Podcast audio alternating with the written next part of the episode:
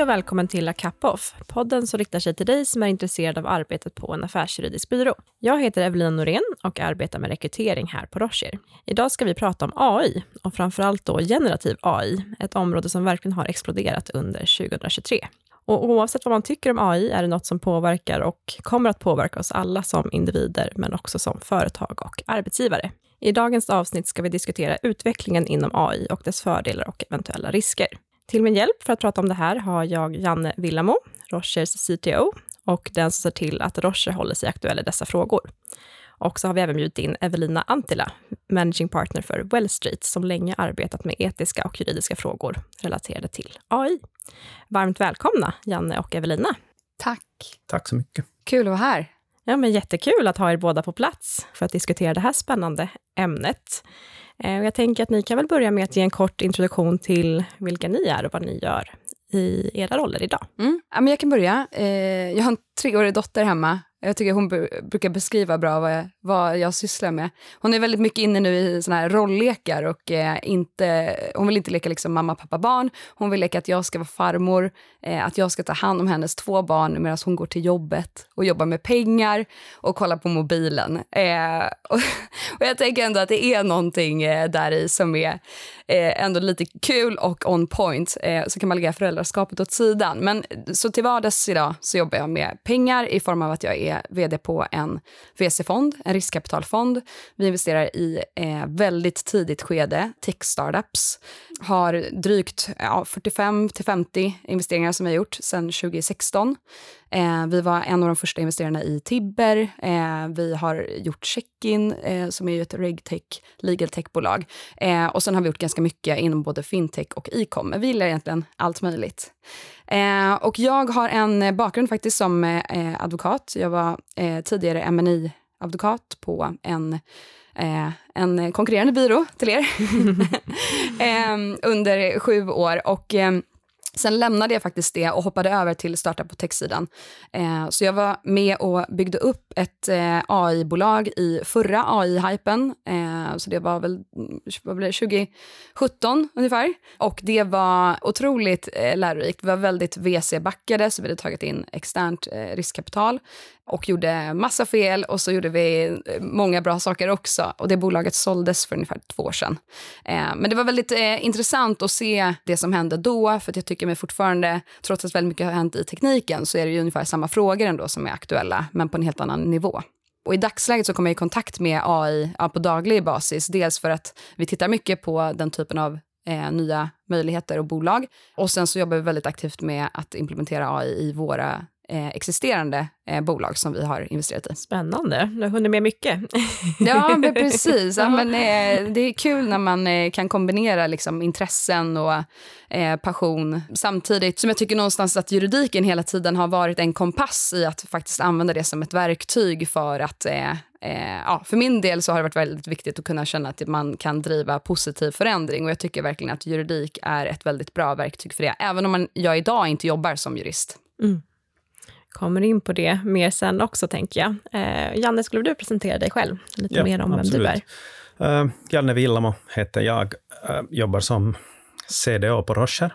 Har varit i huset väldigt länge, gjort några avstickare, men nu varit tillbaka i sju år och, och kom tillbaka den senaste AI-hypen 2016 för att, för att jobba med AI-frågor och, och, och någon slags huvudnörd kanske i huset med min, min IT-bakgrund. Och, och Ja, det ska bli intressant att vi kan jämföra lite hur, mm. hur den senaste AI-vågen ja, gick och, och, hur snabbt mm. den gick och vad skillnaden är mot, mot vad vi är nu. Det låter bra. Jag tänker innan vi fördjupar oss ännu mer i det här ämnet så brukar vi stämma av en av de viktigaste frågorna också och det är väl vad ni har i era koppar, eller vad ni föredrar att dricka här nu när det börjar närma sig jul också.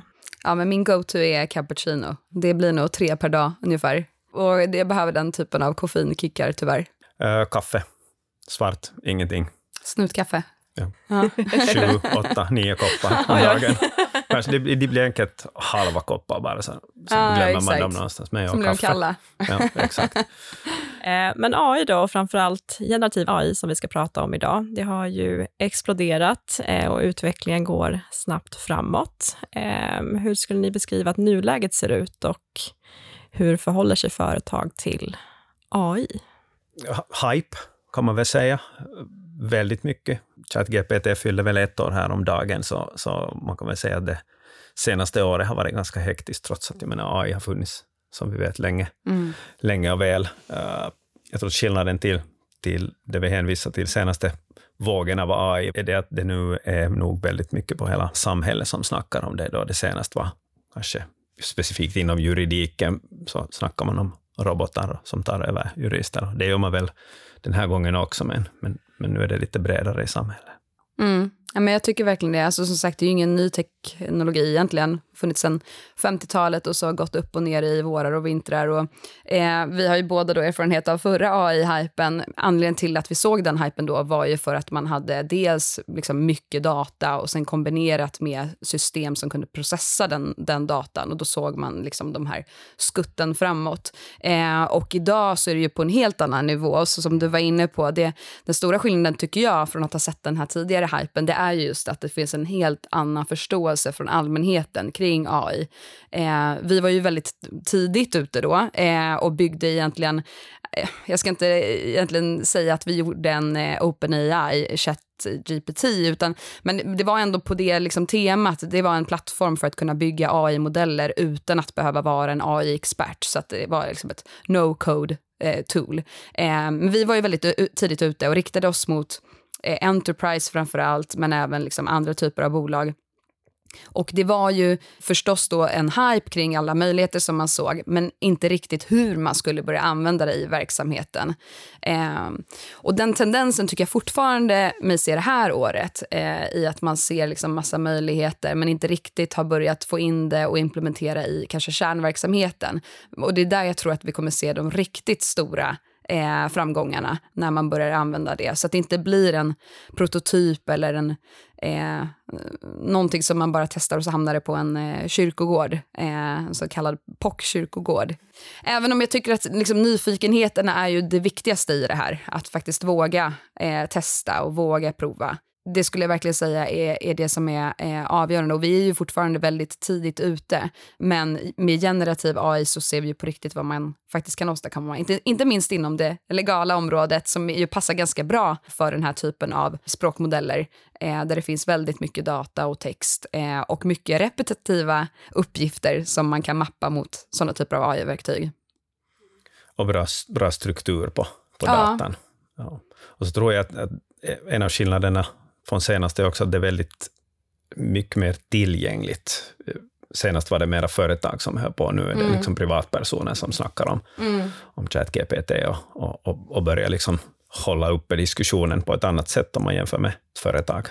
Precis, och det är ju också att säkerhetsfrågan eh, har ju faktiskt eh, tagit också väldigt stora kliv eh, jämfört med tidigare, vilket är bra. Och det är ju Eh, nu håller man ju på i, och förhandlar för fullt i EU kring just den här eh, eventuellt då kommande AI Act. Nu har det hänt väldigt mycket här på sistone som har gjort att man eh, delvis rädd för att det här kanske kommer skälpa alltihopa. Eh, och det som har hänt är ju att för två år sedan så presenterades ett förslag på en eh, AI-lagstiftning eftersom man såg att den här teknologin var så pass kraftfull och nuvarande regelverk som vi har eh, förvisso till viss del eh, täcker liksom, konsekvenser som uppstår till följd av AI. Men det finns stora glapp. Ehm, och då försöker man ju i EU ta ett helhetsgrepp på det här och se till att man ska kunna ha en riskbaserad approach i hur vi utvecklar och använder AI-system.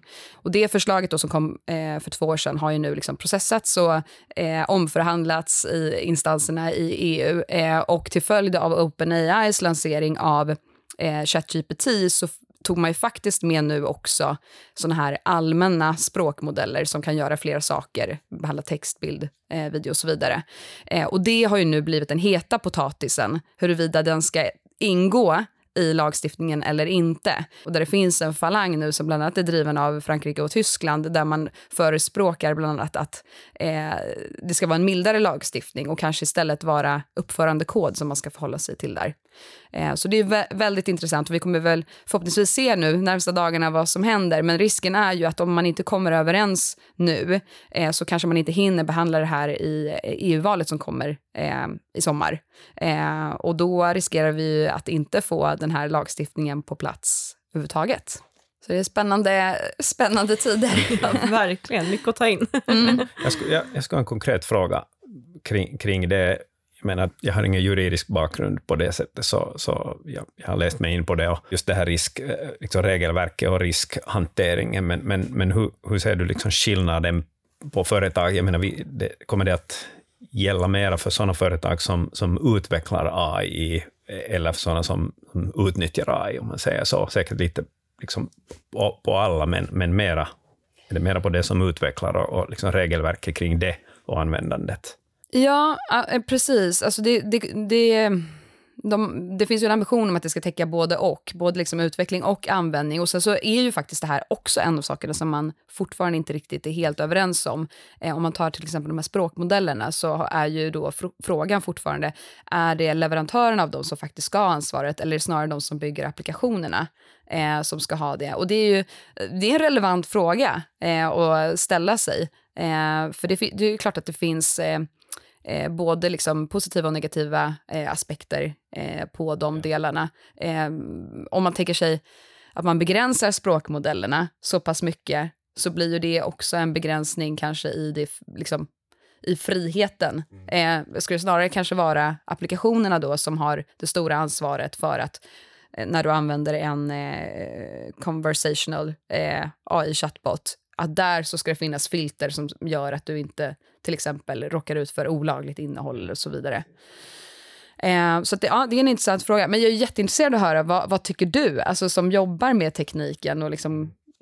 Alltså det är spännande tider på, på många sätt. Eh, emellanåt känns det som att, att det kanske är bäst att inte göra något, för det händer så mycket hela tiden. Jag menar, nu kom Google ut med sin eller lansera sin modell i, i förrgår, mm. som, som då är igen väldigt mycket bättre än OpenAI, säger de. Mm, exakt. åt då. Enligt dem själva, ja. ja e- exakt. Ja. Så, så allt det här är, men, men vi har tagit det väldigt praktiskt. Liksom. Vi, vi, vi, vi testar och, och, och, och kör in Copilot, och då mm. handlar det mer om, om, kanske liksom om produktivitet, att, att mm. spara tid här och där.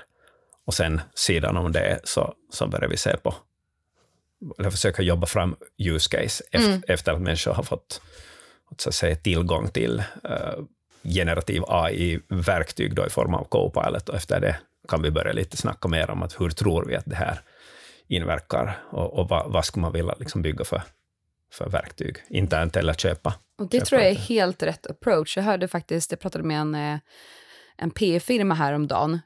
Um, och jag tror att vi kommer se mer av det här um, nu har jag flera spår här samtidigt, men, eh, men just att börja titta på eh, så här, i, vad har du för workforce? Och om man har då till exempel säljavdelning, att börja liksom titta nästan som en pie chart. Okej, okay, vad spenderar de mest tid med? Och så kanske man kommer fram till att det är kundmöten, det är boka möten och det är sitta med olika typer av support. Och sen att liksom mappa det då mot AI-verktyg som finns tillgängliga för att göra precis den här produkt, eh, eller, eh, produktionseffektiviteten. Eh, och då, då tror jag att man kan verkligen eh, uppnå det.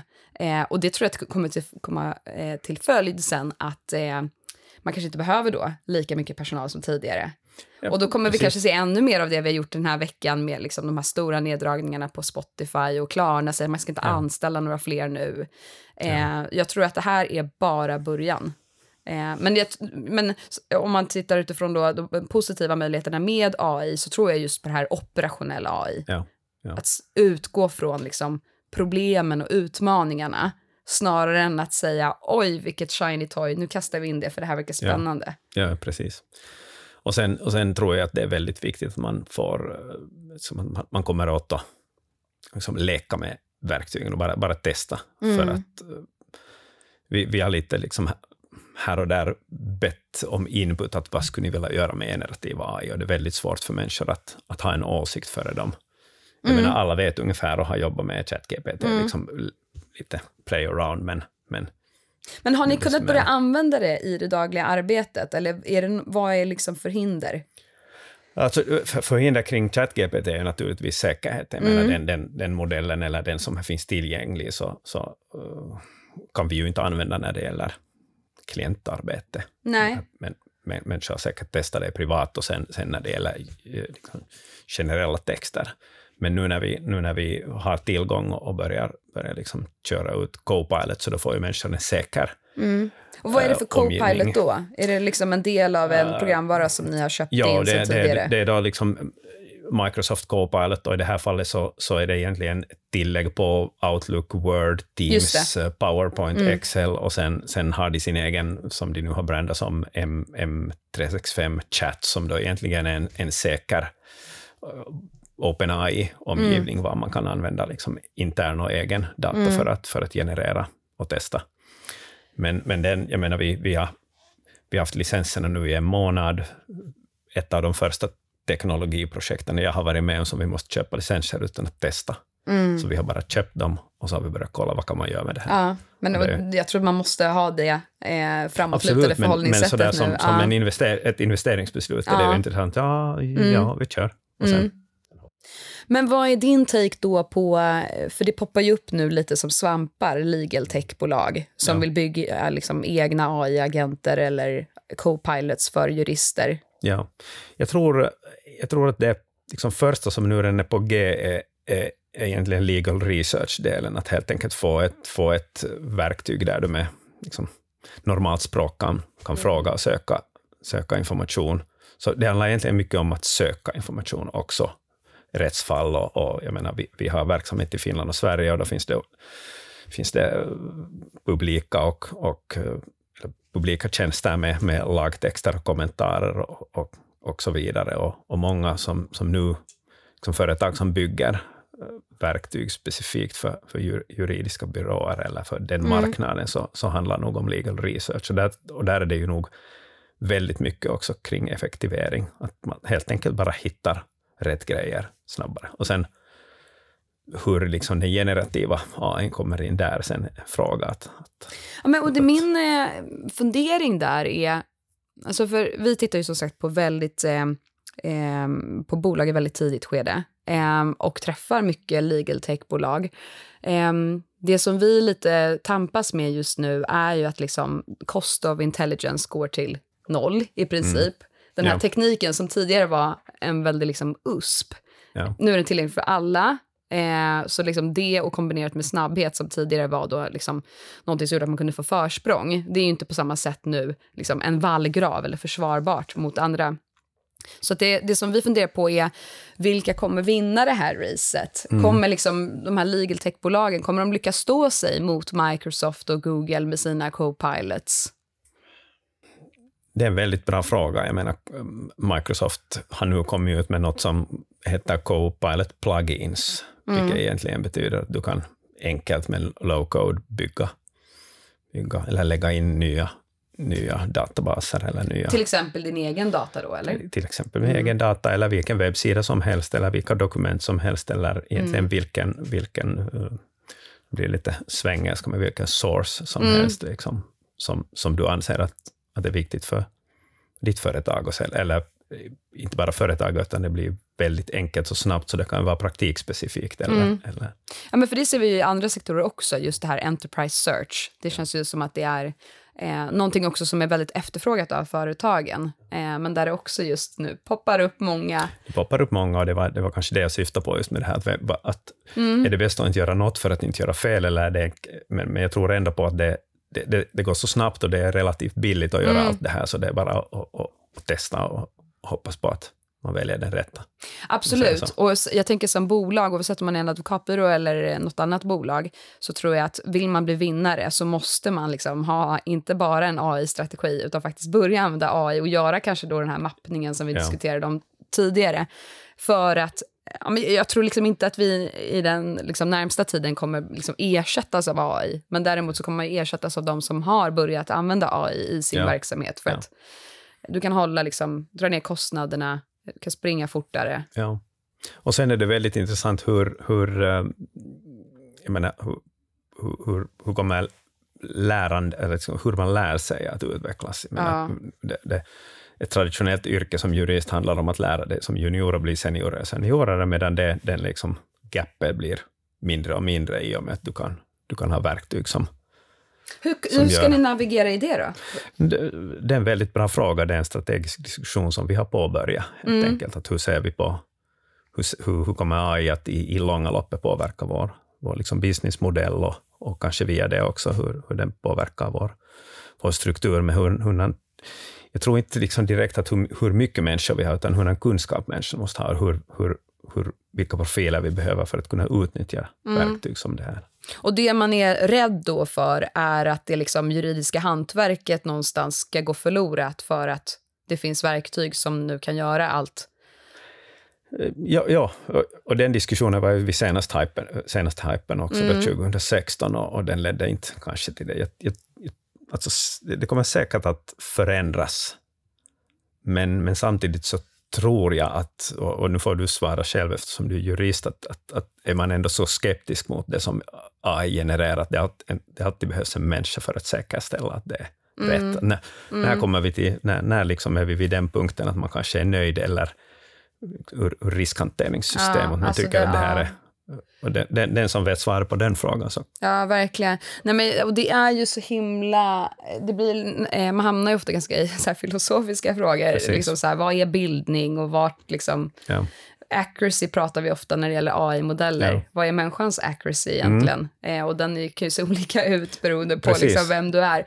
Men eh, en sak som jag funderar på där, för att eh, hela juristutbildningen handlar ju om att lära sig den juridiska metoden eh, och att det är någonstans det man tar med sig. Sen är ju eh, från tid till annan är ju det en eh, utbildning som också får mycket kritik för att det kanske är mycket liksom, korvstoppning, du ska lära dig texter och du ska liksom, ja, det är den typen. Eh, samtidigt som det handlar ju om problemlösning hela tiden någonstans. Eh, men jag tycker det finns ju sådana här memes om så här, ja, nu gick en till dag utan att jag använde algebra. Liksom. Eh, och så är det väl så här, ja, nu gick en till dag utan att jag använde lagboken, eh, som jag ägnade fyra och ett halvt år plugga in. Men, men någonstans, jag vet inte, det är ju eh, min egen liksom, slutsats kring det här. Men jag tror att så här, källkritik kommer vara liksom, så himla viktigt. Alltså det är det ju idag. Men, och jag tänker, det som, det som är läskigt med AI just nu är ju att det här, det är sån otroligt kraftfull teknologi och vi har varit här eh, redan en gång tidigare med liksom big, big, data och det skiftet som hände. Alltså jag tror inte att techledarna för tio år sedan när det liksom alla sociala medieplattformar skapades tänkte nu ska vi bygga någonting som kommer påverka negativt eh, val eh, eller som kommer innebära att eh, eh, tjejer i tonåren kommer må dåligt och skapa psykisk ohälsa. Det, den, det, jag tror inte man hade den typen hoppas, av intentioner. Men here we are. Alltså nu är vi ju här och vi lever med den typen av hot hela tiden. Och jag tror med det, det läskiga med AI är ju att det är, man brukar säga att det här är ett teknikskifte som är liksom större än internet. Alltså då kan man ju bara knappt tänka sig digniteten av det. Så det är det som är det läskiga. Och där tänker jag just att källkritik, att hela tiden Eh, för att det vi har sett under året med eh, ChatGPT är ju också hur mycket liksom, hallucinationer och hur mycket skit som kommer ut. Och det kommer ju säkert fortsätta eh, framåt. Så att jag tror att det kommer vara så extremt viktigt att hela tiden ha verktyg för att kunna navigera den typen av skit. Absolut. Och, och, och sen om, om, om vi liksom tar steget ut från text och, och, och sån, sån, sånt kontext, så att säga, och när vi kommer till bilder och, vi, och videon och, och, och ljud och sånt här, och allt, allt man kan göra liksom nu mm. med AI. Så det är också ganska blir ju lite skrämmande. Absolut, liksom och jag fake. tänker det kommer ju era jurister få nya typer av frågor ja. att hantera och liksom förtal som hamnar på liksom kanske nya typer av eh, frågor, i, alltså man tänker deepfakes och... Ja. För att inte tala om liksom, simplare saker som copyright och, och, och sånt som ju ja. inte alls simpla grejer med jämfört med Nej, med liksom jag tror precis. Alltså, det, det kommer ju få det är därför jag tror att det är ju verkligen ett eh, teknikskifte som vi behöver förbereda hela samhället på. För att om man tar även eh, den saken, copyright-frågan, för jag tror att det kommer också få effekt på affärsmodeller framåt. Just nu så använder vi ju de här språkmodellerna som har skrapats från webben ja. eh, och liksom sannolikt mycket liksom olagligt eller eh, data som man inte får använda. Yeah. Eh, men när det blir liksom tuffare krav från kanske lagstiftaren då, eh, att du behöver eh, tillstånd, vilket i sin tur kanske kommer innebära att du behöver betala för att träna de här modellerna, mm. så kommer ju det få en jätteeffekt på affärsmodellen framåt, vilket i sin tur kommer få effekt på de bolag nu, tror jag, som eh, investeras i med liksom jättevärderingar för att vi har en, liksom en AI-hype. Yeah. Trots en eh, lågkonjunktur, eller vad ska jag säga, Ja, vi befinner ja, oss i, så finns det ju de här eh, AI-hypen som verkligen drar ifrån. Eh, och det blir ju intressant att se vad som händer med värderingarna då framöver på den typen av bolag. Gud, vad det flyter på bra här. väldigt, Det är spännande frågor. Det är det verkligen. Vi nämnde det tidigare, men det är många juriststudenter som eh, såklart har tankar kring det här, nämner liksom att eh, jobb kan försvinna och sådär. Och hur liksom ska man tänka som juriststudent eh, i dagsläget? Finns det något man kan göra för att förbereda sig på att gå in i, i arbetslivet med all den här nya tekniken? Eller liksom hur, hur kan man tänka? Eh, har ni något tips där? Eller liksom, Ja, men jag tycker eh, just att vara nyfiken inför tekniken, för det kommer vara en del av eh, arbetet framåt. Eh, absolut. Eh, och det är ju som sagt inte bara det att det kommer vara eh, ett verktyg framåt för jurister. Det kommer ju också vara nya rättsfrågor som uppstår. Sen så tror jag absolut att det kommer finnas ett behov av liksom, mänskliga jurister framåt också. Förmodligen så kommer det nog vara roligare att jobba som jurist i framtiden. För det var ju inte så att jag tyckte att det var superkul att sitta med repetitiva eh, uppgifter sena eh, kvällar. Utan så här, kan det effektiviseras så tror jag också att det kommer innebära att man eh, frigör tid för juristerna att ägna sig åt de lite mer spännande frågorna. Mm. Det finns också en dialog kring att det är där man lär sig mycket, när man gör de här repetitiva uppgifterna och sådär, att man lär sig mycket av den kunskap som man sen behöver, kanske när man blir mer senior. Hur, har du reflekterat någonting kring det, liksom hur man ska ta till sig den här kunskapen då för att kunna vara en bra jurist? Ja, men, och jag, också? jag tycker det är ju en eh, viktig fråga. Sen är jag inte säker på att du, liksom, för att du har gjort eh, 1800 timmar, eh, liksom en repetitiv uppgift, att du skulle bli en bättre jurist av det. Eh, jag tror snarare att du liksom tröttar ut dig själv då. Men sen är det ju viktigt, precis som du säger, att det finns ju ändå något grundläggande och liksom hantverket i sig som man behöver få en förståelse för. Eh, också på något sätt för att kunna avgöra i vad är accuracyn nu till exempel av det som jag fick och kunna avgöra är det här liksom ett vettigt svar. Um, så att jag tror man ska använda det just som ett stöd och då kommer du ju behöva Eh, den typen av vad ska man säga, eh, bakomkunskap. Men, och jag tror att det här är ju någonting för eh, byråerna framöver att fundera på. Hur ska man liksom förbereda eh, nuvarande kår och eh, kommande juristkår eh, för det här? Och det tror jag, det är ni ju liksom inte ensamma om, eh, utan det är ju hela samhället i stort. Och där tror jag, just nu så upplever jag att vi är lite för naiva och inte inser eh, att vi faktiskt behöver vara lite visionära i det ledarskapet också. Och precis som du säger, jag tror att det är många jobb som kommer försvinna. Det kommer säkert uppstå nya också, men vi behöver Lite så som under, eh, under industrialismen, när vi ändå hade någon form av pra eh, pragmatisk dialog, när liksom, vi fick liksom fabriker och det var ju eh, jobb som försvann, men det var också nya som uppstod. Eh, så jag tror där behöver man ha en konstruktiv dialog. Ja, jag skulle, jag skulle tillägga till det där att det finns, no, det finns många podcasts och det finns många seminarier och konferenser som allt, allt handlar om AI nu och ganska många, många snackar ändå om att uh, det är inte på grund av AI du kommer att, att bli utan jobb om du blir utan jobb, utan det kommer någon jurist som kan använda AI bättre än du, Mm. som tar över. Och sen en ganska intressant grej som jag inte ännu vet, stämmer det eller inte, men det är många som pratar om att det är de mera seniora som kanske har det mesta nytta nu av AI, för de vet hur bra ser ut. Exakt, precis. Och då, då Mm. liksom, som junior kanske du kan använda AI för att generera en massa, men du vet inte att är det här liksom bra eller inte, Mm. och i vilken kontext det ska. Så det är ju det är kanske också första gången på länge som det kommer ut teknologi som kanske de mera seniora borde börja använda först. Mm. Det brukar vara tvärtom. Ja, ja i- intressant. Ja. Men och jag tänker eh, eh, framåt generellt så är det ju liksom att, ja, men om man är student då, att just eh, eh intressera sig för att börja testa ehm, eh, och eh, som arbetsgivare att också uppmuntra till det. Ja. Och det är nog, det är nog en av, av liksom orsakerna till att vi har gått in för att skaffa Copilot-licenser och, och, och, och alla får börja använda det bara för att testa och bekanta sig med vad är gen Mm. AI. Jag, förväntar mig liksom ingen revolution, utan jag förväntar mig att människor lär sig och, och, och vågar börja använda. Ja. Och också lär sig att vad AI inte går att använda för. Mm. det är nästan lika viktigt, i alla fall i början. Sen vet vi inte hur världen ser ut om två månader, om sex månader, om ett år, men exakt. nu, Ja. idag, imorgon. Ja, precis. Spännande. Verkligen spännande tider. Eh, och som sagt, jag sa det innan, men jag är inte jätteinsatt i de här frågorna och använder inte AI mycket själv. Ännu. än. Precis, det är på gång. Eh, men vilket skulle ni säga är ert favoritverktyg, eller liksom hur använder ni AI själva? Är det någonting ni använder mycket? Har ni något tips där? Ja, men jag använder ChatGPT ganska mycket mm. eh, för flera olika saker. Och jag tycker definitivt att det har påverkat väldigt mycket hur min liksom, arbetsdag ser ut. Sett pr produktiviteten. Eh, och sen så använder vi mycket verktyg i vårt arbete som också i sin tur är liksom, powered by AI. Eh, så att ja, nej gud verkligen. Eh, jag är lite inne på samma linje. Jag har kanske inte använt ChatGPT så mycket på grund av att jag har försökt internt här snacka om att vi inte ska göra det. men, men eh, med motsvarande verktyg som Copilot och, och deras men sanningen är ju, jag menar varje dag man lyssnar på Spotify och tittar på Netflix eller något sånt så använder man ju, ja, eller är man exakt. påverkad av varje, ja. så att kanske Spotify är det som jag senast har använt. Fly, mm. Flygit hit från Helsingfors och lyssnat på musik på vägen. Härligt. ja.